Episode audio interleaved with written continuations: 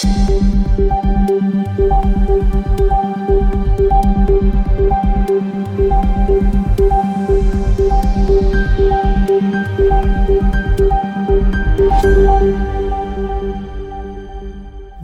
tilbake til Krimnytt, en podkast for deg som ønsker å følge med på aktuelle true crime-saker. Den første saken i dag er ikke en who done it-sak. Selv om tiltalte som sitter i retten nå har sagt seg ikke skyldig, så er det ingen tvil om at hadde det ikke vært for at han brøt seg inn i ekskjærestens leilighet, så hadde hun sannsynligvis ikke blitt drept. Vi må tilbake til natt til 15. februar i 2020. Da feiret 38 år gamle Amy Harwick valentinsdagen med gode venner på et burlesque-show i Hollywood Hills. Amy hadde på seg en rosa fløyelskjole og perlesmykke, og hadde tidligere på dagen snakka om hvor lykkelig hun var. Amy Harwick starta som Playboy-modell og jobba seg opp til å få en doktorgrad i psykologi og jobbet som sexterapeut i pornoindustrien. Amy hadde skrevet bok om kvinners seksualitet og hadde en egen podkast og elska å fotografere. Livet gikk på skinner for Amy da hun etter en vellykka valentinskveld gikk alene hjem til leiligheten sin. Hun tekstet en av sine venner og spurte om bilder for showet, og så en annen venn om en restaurant hun ville besøke når de dro på tur.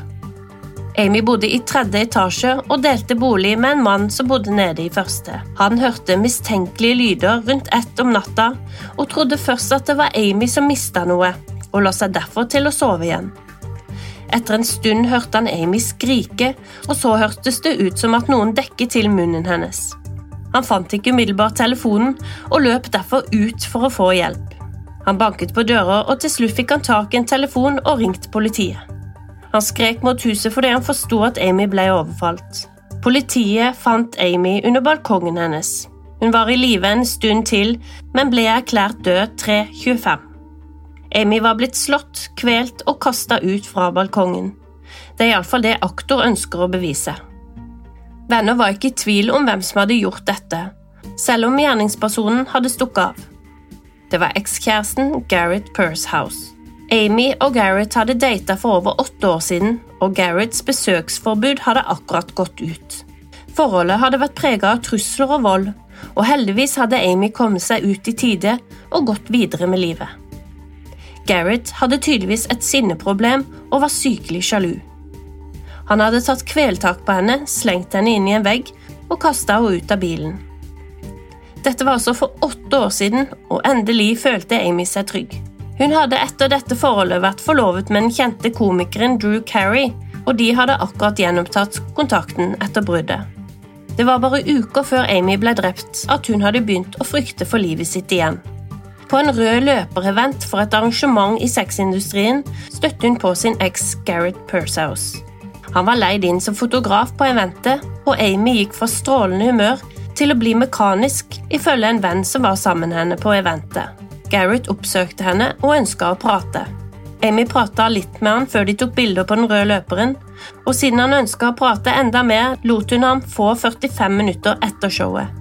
Etter praten fortalte hun sin venn at hun gikk i terapimodus. Amy prøvde å roe ned situasjonen, men var tydelig berørt av praten.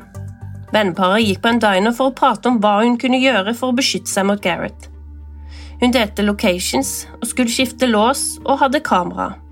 Det var tydelig at Gareth ikke hadde kommet over henne, og han sa at hun hadde ødelagt livet hans. Det bekymret henne, siden det hadde gått over åtte år siden de data, og han var fortsatt opprørt over bruddet og hadde ikke gått videre i livet. Gareth begynte så å ringe Amy for å prate mer, noe hun avslo. Natt til 15. februar brøt Gareth seg inn i huset mens Amy var ute. Et kamera viser at han skrur på det, og han venter i leiligheten til hun kommer hjem. Der blir Amy angrepet og kjemper for livet. Det ble også funnet en dødelig dose nikotin på åstedet, og aktor mener at dette var et overlagt drap der han kvelte henne for å så kaste henne over balkongen. Forsvaret innrømmer at det var Gareth som brøt seg inn, men at han bare ville prate, og at det var ikke meningen at Amy skulle dø. Nå pågår altså rettssaken mot Gareth Pursehouse, og han er ugjenkjennelig i retten. Mannen som data Amy, var en kjekk, veltrent mann Mannen vi ser i retten, ser pløsete ut, og ansiktet er helt ugjenkjennelig. Forsvaret beskriver Gareth som en mann med alvorlig depresjon, og at sjalusi og desperasjon fikk Gareth til å oppsøke Amy, og at det hele gikk galt. Det var altså ikke planlagt fra Gareth sin side. Dette mener aktor og motbeviser i retten. Vi i Krimnytt vil følge rettssaken.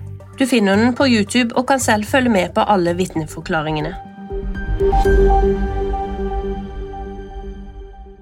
29. juli i år så forsvant nok en kvinne fra Maryland i USA. Du husker kanskje saken vi hadde for et par uker siden, der fembarnsmoren Rachel Morin ble meldt savna og så funnet død på en tursti. Nå var det altså 59 år gamle Mariam Sylla som forsvant etter å ha vært på en gåtur rundt klokken 20 nær Shrome Hills Park Path. Sylla var en høyt elsket lærerinne, og politiet satte raskt i gang intervju, søk og undersøkelser for å finne Mariam. Det er påfallende at to kvinner forsvinner etter de har gått tur i nabolaget i Maryland. Mariam gikk alltid en 45 minutters tur før hun tok kvelden, og når hun ikke kom tilbake, var dette veldig unormalt for kvinnen. 1. august ble politiet oppringt. Kroppsdeler var funnet på utsiden av Shrom Hills, mer enn halvtime fra der Sylla gikk tur. Det ble bekreftet at dette parterte liket tilhørte Mariam Sylla. Politiet knytta raskt til drapet en mann, Harold Landon. Det var tilsynelatende ingen forbindelse med offeret og den påståtte gjerningsmannen. Han ble sett i parken på samme tidspunkt som Sylla gikk turen sin. Bilen ble også observert. Det ser ut til at gjerningsmannen har angrepet Sylla da muligheten var der, men detaljer om motiv og hvorfor liket var partert, er ikke kommet frem. Det ser ikke ut til at disse to sakene, der to kvinner er drept mens de var på tur i Maryland, har noen sammenheng. Det er kanskje mer skremmende at det er flere gjerningsmenn som angriper tilfeldige kvinner som går på en treningstur. Som dere kanskje husker fra to uker siden, så fant de DNA i Rachel Morens sak, og det ble knytta til en annen overfallssak på den andre siden av landet. Mannen er dessverre foreløpig uidentifisert. Vi i Krimnytt har hatt en episode om arrestasjonen i Lisk-saken, Long Island Serial Killer-saken. Og har du ikke hørt om saken, så anbefaler vi Krimprat med Lisa Fiona sin episode om Shannon Gilbert. Den går litt tid tilbake, så du må bla litt. Og vår episode etter arrestasjonen av Rex Human. Du finner også noe om denne saken i Krimnytt. I vår tidligere episode om Shannon Gilbert så snakka vi om en politimann som heter James Burke. Det var han som var politisjef på tida der Shannon Gilbert forsvant. Shannon sin forsvinning var grunnen til at politiet til slutt fant elleve kropper langs Gilgo Beach i Long Island. Det viser seg at politiet var korrupt, og at politisjef Burke hindra etterforskningen. Han hadde forhold og sex med prostituerte, og fikk sine ansatte til å gjøre private oppdrag for han i arbeidstiden. Han banka opp en narkoman som stjal en bag fra bilen hans, der det ble funnet sexleketøy, porno og en snøfffilm. På jobb skal han også ha brukket en prostituerts arm og også tatt kveletak på en annen. Burke sine handlinger ble beskytta av et såkalt buddy-system, og politiet lot han til slutt gå av med pensjon uten nevneverdige sanksjoner. Etter en stingoperasjon ble Burke arrestert i Veteran Memorial Park i Farmingville. Han hadde tilbudt oralsex til en politimann og ble så arrestert. Politiet påstår at de ikke visste at mannen som først ble arrestert, var James Burke. Men om dette kan ha en sammenheng med Lisk-saken, vil gjenstå å se. To av fem siktelser mot han er nå henlagt, men kanskje denne arrestasjonen vil sette søkelys på hvordan politiet jobba på den tida da Shannon Gilbert forsvant. Vi følger selvsagt med på denne saken. Det var alt vi hadde denne uka. Gå gjerne inn på Instagrammen vår på Krimnytt, der vi oppdaterer deg på nye saker. Du kan også gå inn på Facebook på Krimprat med Lise og Fiona og lytte på lengre saker som vi fordyper oss i. Vi høres neste uke.